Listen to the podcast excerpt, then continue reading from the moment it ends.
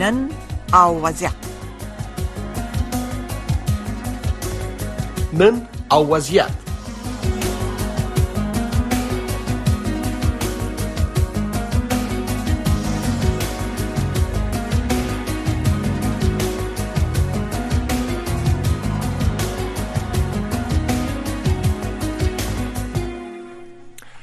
سلام و شب بخیر بیننده های گرامی رادیو و بیننده رادیوی آشنا صدای امریکا از واشنگتن. من محمد احمدی هستم.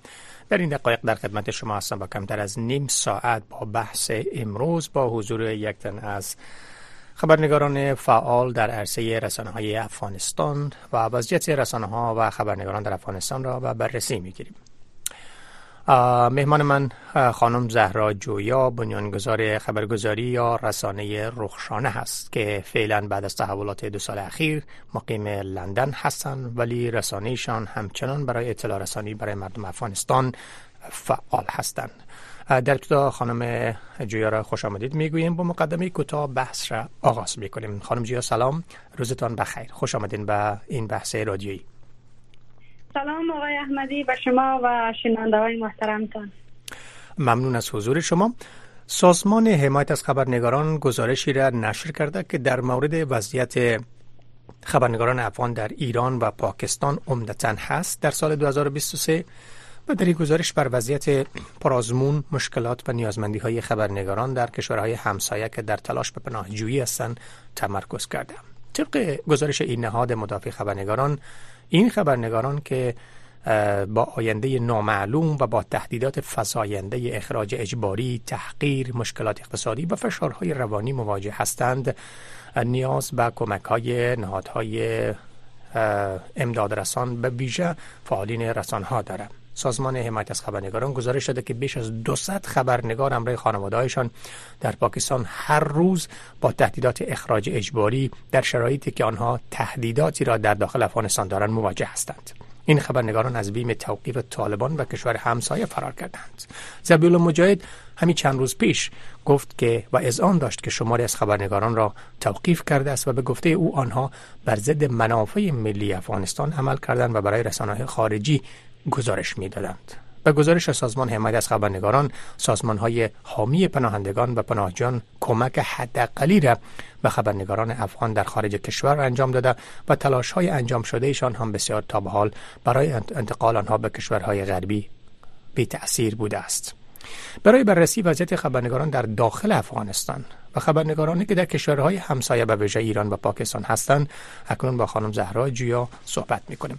خانم جویا در ابتدای بحث بفرمایید که سال 2023 برای خبرنگارانی که در داخل افغانستان به هنوز باقی ماندن چگونه سالی بود و عمدتا مشکل و تهدیدی که این خبرنگاران با او مواجه بودند چی بوده؟ تشکر احمدی صاحب موضوع بسیار مهم را شما به بحث گرفتین. ممنونتان متاسفانه پس از تسلط دوباره طالبان در افغانستان دیگر با افسوس که باید بگویم در افغانستان دیگر رسانه مستقل و آزاد و یا خبرنگار آزاد حضور نداره و این واقعا غم است. سال 2023 من میگم که یک از بدترین سالهای عرصه روزنامه‌نگاری در دوران بعض به سال که در افغانستان آزادی بیان یکی از بزرگترین دستاورد و مهمترین دستاورد جامعه جهانی و حکومت پیشین افغانستان بود بوده. و در این سال رقمی که گزارش شما اشاره کرد خبرنگاران زیاد بازداشت شده. بازداشت شده شکنجه شده و حتی در زندان رفته و چندین مدیر مسئول رسانه و سوی طالبا محکمه شده محکوم شده و یک امی جدیدترین موضوعی که شد یک تقریبا یک یک ماه قبل بود در مورد مدیر مسئول رادیو نسیم یک رادیو محلی در ولایت دایکندی که طالبا بدون شواهد و مدارکی که واقعا در قانون اساسی افغانستان و در قوانین رسانگان همگانی رسانه های همگانی افغانستان ببخشید در اونجا اینا واقعا یعنی سند نیست که بر اساس از او محکمه شود خبرنگاران یا به دادگاهی شوند که متاسفانه طالبان کار را انجام دادن. یعنی در واقع میشه گفت که سال 2023 یکی از سالهای سیاه و بد خبرنگاری در افغانستان بوده. رسانه های زیادی بسته شد. در این جریان خبرنگاران زیادی از افغانستان بیرون شدن و به همین رقم خبرنگاران زن که متاسفانه به نحوی از رسانه های همگانی حذف شدن یک تعداد محدودی که در داخل افغانستان ماندن اونا با چالش های زیادی مواجه هستند با محدودیت ها در واقع سال خوبی نبود برای رسانه ها و خبرنگاران افغانستان. بله شما یک اشاره خوبی داشتین و اشاره مهم بود و اینکه گفتین با توجه به وخامت اوضاع در سال 2023 به ندرت می‌توان گفت که رسانه به صورت مستقل در افغانستان عمل کرده. پس اگر رسانه ها به صورت مستقل عمل نکرده هست چقدر این گزارش هایی که رسانه های داخلی افغانستان گزارش می‌دادند به اصطلاح جانبدارانه بوده یا مستقل نبوده. از چه جهاتی؟ خب متاسفانه یک چیز بسیار واضح است. رسانه ها و خبرنگاران داخل افغانستان با سرکوب بسیار شدید مواجه هستند. طالبان کنترل صد درصدی دارن یعنی کنترل کمی هم نیست. صد درصد اونا در کنترل طالبا هست. طالبا به عنوان یک گروهی که با زور آمده قدرت را در افغانستان به دست گرفته. اینا می‌خواین که از همین ابزارهای نوین ابزارهای دموکراتیک که در یک جامعه نوپای میشه گفت در افغانستان اینا پا گرفته بودن رشد کرده بودن اینا را فعلا به نفع خودشان استفاده می‌کنن و در جریان این تقریبا میشه گفت دو سال یا سه سالی که حالا چند ماه مانده که سه سال شده حکومت طالبا در افغانستان.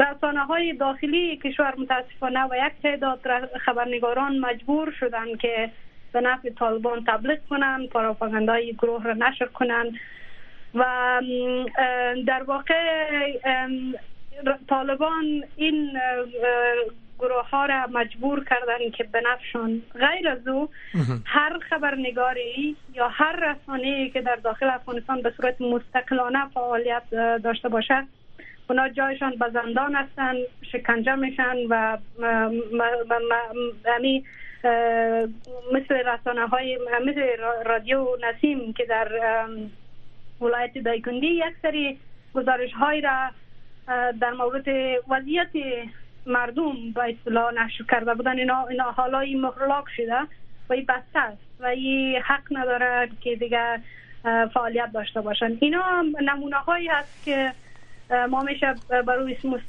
استناد کنیم که واقعا طالبان برای منفعت خودشان از این رسانه ها استفاده می‌کنن.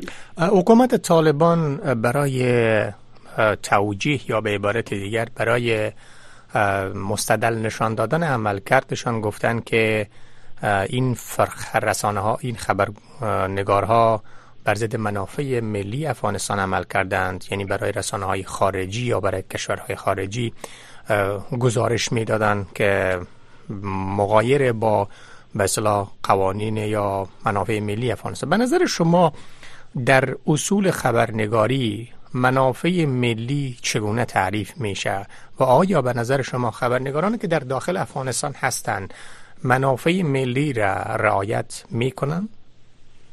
خب من فکر می‌کنم که طالبان امر روایت خودشان را از وضعیت داره و دلیل از که فعلا با تاسف میشه گفت که پس از اینکه اینا به قدرت رسیدن قانون اساسی افغانستان که مبنای یک حکومت مردمی و که در واقع منافع کشور افغانستان را تعریف کرده بود.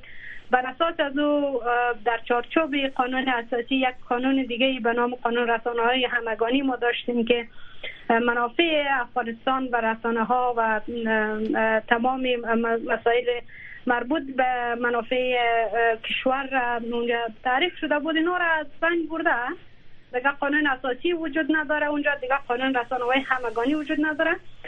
و این تعریفی هست که طالبا خودشان دارن. ما حالا برای در شرایط کنونی افغانستان دستبرد تمام کشورها یا یا گروه ها یا منافع گروه های دیگه تروریستی هستن که طالبان در اصلش قرار دارن. و من فکر می‌کنم که آنچه که طالبان از منافع ملی یاد می‌کنه یک روایت کاملا اشتباه است. هیچ منافع, منافع ملی گراوی یا در در محدوده طالبان او تعریف کرده وجود نداره. و رسانه های افغانستان خبرنگاران در طول 20 سال گذشته یکی از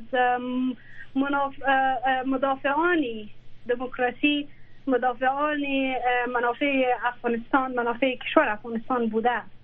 که نباید ما از ببریم. شما به نکته مهم اشاره کردن نبود قانون رسانه های همگانی. طالبان طی این دو سال هر بار یا به تکرار اشاره کردن وعده کردن که قانون رسانه همگانی زیر کار است. اعلان میشه و بر اساس از او برخورد میشه با رسانه ها و خبرنگاران. به نظر شما در فقدان این قانون چطور هیته کار خبرنگاری تعریف شده؟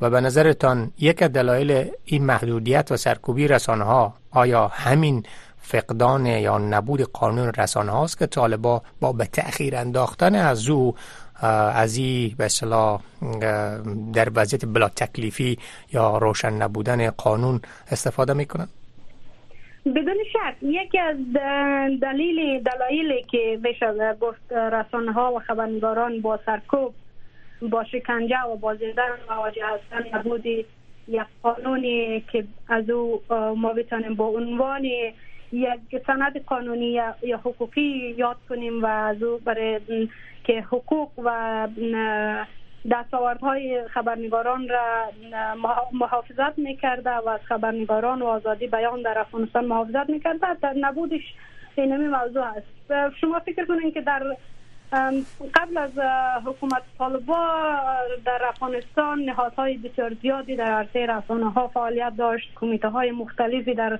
عرصه حمایت از خبرنگاران و در واقع حفاظت از آزادی بیان در افغانستان کار می‌کرد. متاسفانه فعلا همه از این ارگانیزیشن ها یا نهادها حذف شده و قانونی هم وجود نداره. و یکی اینکه طالبان متاسفانه در افغانستان حتی بر رسانه ها و خبرنگاران داخل کشور اجازه پوشش اعتراضات مردمی نمی‌دهد. و این کجای این قصر ما به پای منافع افغانستان حساب کنیم یا یا او اشاره کنیم. متاسفانه اینا همهش برمیگرده به نبود یک حکومت فراگیر و همچنان نبود قانون و چارچوبی که بتانه از رسانه ها و خبرنگاران حفاظت کنه در برابر همه حملات و چالش هایی که وجود داره. بله بخش زیادی از خبرنگارا موفق شدن که حتی با فرار از افغانستان در کشورهای غربی یا کشورهای مختلف دیگه که پناهنده شدن و کار خبرنگاریشان برای افغانستان ادامه بدن. حالا در قالب کار برای یک رسانه خارجی یا کار برای یک رسانه که خودشان او را داشتن در خارج از کشور فعالش کردن یا دوباره ادامهش دادند. چه فکر می‌کنین؟ وقتی که طالبان میگن متهم می‌کنن توقیف می‌کنه که از خبرنگارا را به اتهام از که برای رسانه های خارجی کار کردند. آیا به نظر شما این رسانه ها که خارج از کشور هستند مخالف منافع ملی کار می‌کنن؟ شما خودتان هم رسانه رخشانه را دارین. چه فکر می‌کنن چه شفافیتی در فعالیت شما وجود داره که برای شنونده های واضح باشه که وقتی که یک رسانه خارج از کشور عمل می‌کنه به مسابه به معنای از این نیست که برای منافع خارجی کار می‌کنه. احمدی سوال بسیار مهم را مطرح کردین. شما اول این که بر اساس قانون اساسی افغانستان دسترسی به اطلاعات حق اساسی و ابتدایی مردم افغانستان است. مردم افغانستان حق دارند که از آنچه در اطرافشان در بر سرنوشتشان میگذره. اونا معلومات داشته باشن اطرافشان را بفهمند که واقعا چی میگذره. من فکر می‌کنم که رسانه هایی که در بیرون از افغانستان در واقع میشه گفت رسانه هایی در تبعید کار می‌کنن. اینها هنوز هم یک چراغ روشنی برای آزادی بیان و آزاد اطلاع رسانی برای مردم افغانستان است.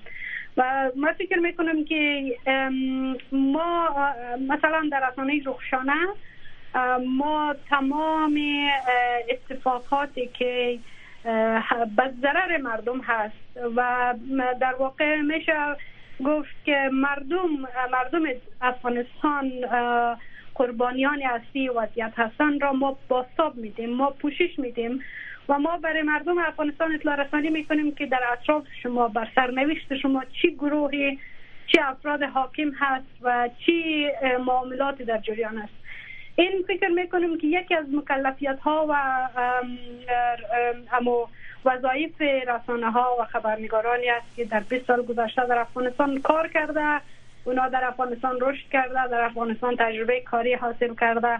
و ما امروز به عنوان کسانی که حداقل به صورت فیزیکی از تهدیدات طالبان و یا حداقل از زندانی شدن و بازداشت شدن در یک جای امن قرار داریم. فکر می‌کنیم که مسئولیتی وجدانی ما هست. مسئولیتی به عنوان یک حس وطن پرستی ما هست که به هموطنان خود باید اطلاع رسانی کنیم برای از آگاهی بسیم.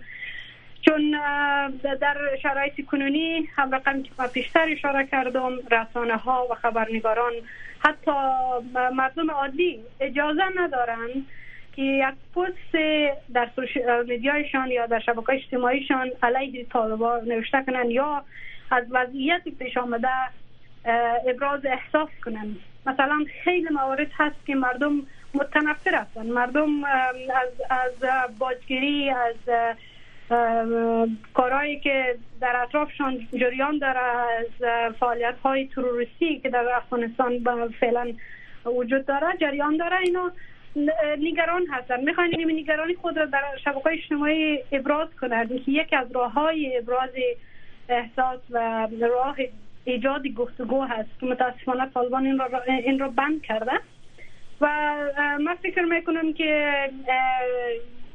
رسانه های در تبعید افغانستان یک گزینه بسیار مهم هست. اگر اگر شما فکر کنید که این نمی رسانه ها هم نباشه وضعیت افغانستان شبیه کره شمالی باید باشه که هیچ خبری هیچ موضوعی از او کشور بیرون نیاید و مردم در زیر سلطه دیکتاتورشیپ و سانسورشیپ نکته مهمی رو اشاره کردن یکی از ویژگی های رسانه هایی که فعلا به قول شما در تبعید هستند فراهم کردن پلتفرم یا سکوی اظهار نظر آزاد در مورد وضعیت افغانستان هست. یعنی یک نظر مقابل را بیان می کنم شاید این آزادی به در افغانستان در رسانه هایی که در افغانستان باشه به او شکل نباشه که صاحب نظران تحلیلگران و منتقدین نظرات خود را آزادانه بیان بکنند. چه بسا که در سال دو سال گذشته تعداد زیادی از اساتید دانشگاه منتقدین بازداشت شدن و پس از یک توقیف کوتاه یا طولانی آزاد شدن و بعد از او یک تعداد زیادشان کشور را ترک کردن و یا که با او سراحت لحجه صحبت نمی کنن. پس آیا باور دارین که این رسانه هایی که شما در اون جستین که در خارج از کشور هست یک نوع پلتفرم یا زمینه را برای صحبت و مباحث باز و آزاد و مستقل مطرح می‌کنن و عمدتا این چقدر مهم هست در شرایط فعلی که سرکوبی در داخل افغانستان هست؟ بدون شک یه می‌تونه یک سکوی برای انتقاد از وضعیت باشه برای گفت ایجاد گفتگو باشه. ببینین عملی مردم افغانستان در طول چهار دهه یک وضعیت بسیار وحشتناک را سپری کردن. اینا هم همواره در جنگ و بحران های سیاسی و موضوعاتی از این قبیل دست و پنجه نرم کردن. همین, اکنون ما فکر می‌کنم در قرن 21 که اکثر کشورهای جهان در یک مرحله بسیار والای از زندگی رسیده از وضعیت رسیده.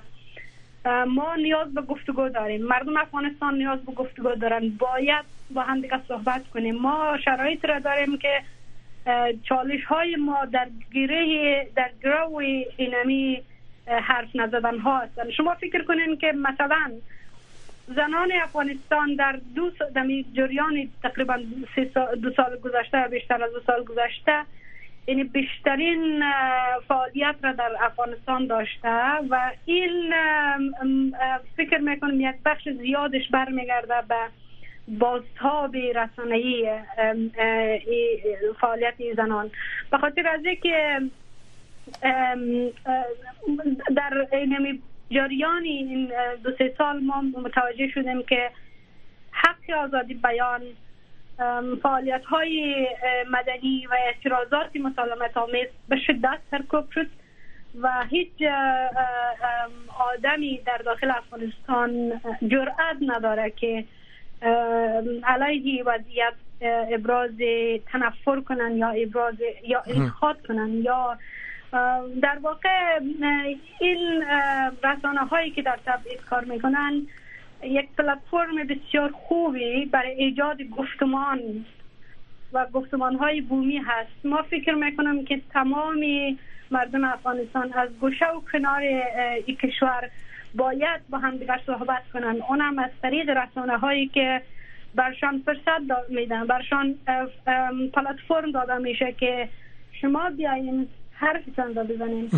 و, و, و فکر می‌کنم که طالبان بجای اینکه مردم را سرکوب کنن بجای اینکه رسانه ها و خبرنگارانی که در این شرایط سخت برای مردم کار می‌کنن باید قدردانی وضعیت باشد و بله. و از رسانه هایی که در بیرون از افغانستان فعالیت دارن اونها را بخوانن مخاطبش باشن و بفهمن که همین مردم چه فکر می‌کنن وقتی که شما خودتان اجازه نمیتین برای مردم که صحبت شود صحبت کنن در داخل کشور خب حداقل بفهمین که وضعیت چگونه است و حکومت شما را چطوری مردم بایکوت می‌کنن از بیم این تهدید و توقیف طالبا تعداد زیاد خبرنگارا به خارج از کشور رفتن که هدفشان رسیدن به کشورهای غربی هست که حامی رسانه ها هست. تعداد 200 نفر خبرنگار و خانوادهشان در پاکستان هستند. طبق گزارش سازمان حمایت از خبرنگاران و تعدادی هم در ایران هستند. روند پذیرش انتقال از اینا بسیار به کندی پیش رفته و با مشکلات زیادی مواجه هستند. دلیل این تعلل یا به عبارت دیگر بگیم کندی روند انتقال این خبرنگاران و حمایت از این خبرنگاران به نظر شما چی است؟ من فکر می‌کنم که در واقع این اتفاقی که در آگست 2021 افتاد و یک حرج مرج برای خروج از افغانستان یک اتفاق بسیار نادر و بسابقه بوده در, در طول تاریخ برای مردم افغانستان. و این متاسفانه به ضرر مردم افغانستان هست.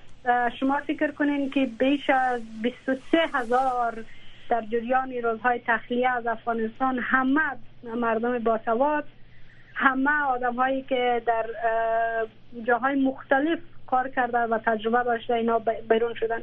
و همه رقم به تعقیبش در جریان بیشتر از دو سال موج از مهاجرت ها دوباره در افغانستان به اوج خود رسیده که متاسفانه شامل خبرنگاران هم میشه و شمول خانواده هایشان و کشورهایی که حداقل متحد به وضعیت بودن و متحد بودن که ما خبرنگاران و مدافعان حقوق بشر که در معرض خطر جدی قرار دارن را حمایت می‌کنیم. متاسفانه اکثریت کشورها دیگر با مو تعهداتشان به صورت جدی و درست و آنچنانی که اونا خودشان وعده داده بودن عمل نکرده که یک انتقاد شدید از طرف تمام نهادها و سازمانها و خبرنگاران وجود دارد و موضوع دوم در جریان این دو سال یا بیشتر از دو سال متاسفانه اتفاقات دیگه در سراسر جهان رخ داد که این هم تاثیر بسیار زیاد داره برای بله. کشورها تمرکزشان را بر یک موضوع کنن یا امکان نداشته. یعنی بعد از شما ببینیم که در بسیار زود به تعقیب وضعیت افغانستان وضعیت اوکراین پیش آمد که یک شهروندان یک کشور را باید تخلیه می‌کردن و این هم قابل درک است و ما باید درک کنیم که وضعیت بینی وضعیت جهان این قدر آشفته است و مردم به می اندازه با پیچیدگی مواجه هستند. به نظرتان وضعیت رسانه ها در مجموع و به ویژه خبرنگارانی که در افغانستان هستند. در سال 2024 تحت حاکمیت طالبان چگونه سالی خواهد بود؟ آیا با توجه به فعالیت های قابل برجسته ای که در سطح جهانی از سوی ملل متحد برای تعامل با به نحو طالبا هست در مورد وضعیت افغانستان هست. آیا امکان بهبود وضعیت خبرنگارا و رسانه ها میره باید در نظر داشته شرایط؟ متاسفانه که نه. من فکر می‌کنم که آنچه که در مورد طالبان روایت وجود داشت که طالبان تغییر کرده و حالا ما شاید هستیم که روایت کاملا اشتباه بوده و برعکسیان بوده. طالبان تغییر نکرده. و در مدت این بیشتر از دو سال بیشتر از هشت یا ده دستور عمل صادر شده برای از که رسانه ها خبرنگاران محدود شود. و همین رقم متاسفانه چند روز پیش شما یا هدف دو روز پیش امی زبیه الله مجاهد گفت که ما رسانه ها رو تنبیه کردیم. و طالبان متاسفانه ریشه این گروه در خشونت وابسته است و در واقع میشه گفت که بدون خشونت فکر نکنم که اینها ادامه ادامه کارشان در افغانستان داده بتانن.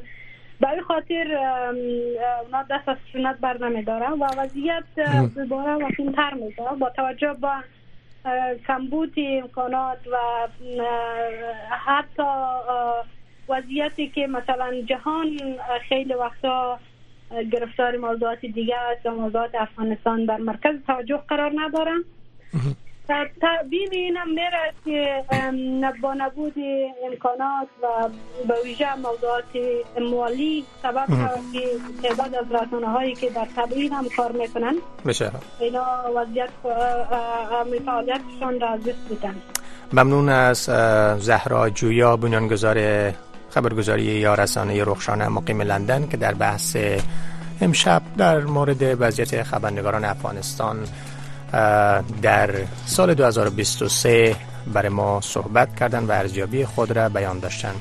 سپاس از حضور شما در برنامه خانم جویا و همچنین تشکری می‌کنم از تمامی شنونده های ما که به این برنامه گوش دادن. موفق و کامیاب باشین. روزه خوش داشته باشین. سلامت باشین. تشکر. خدا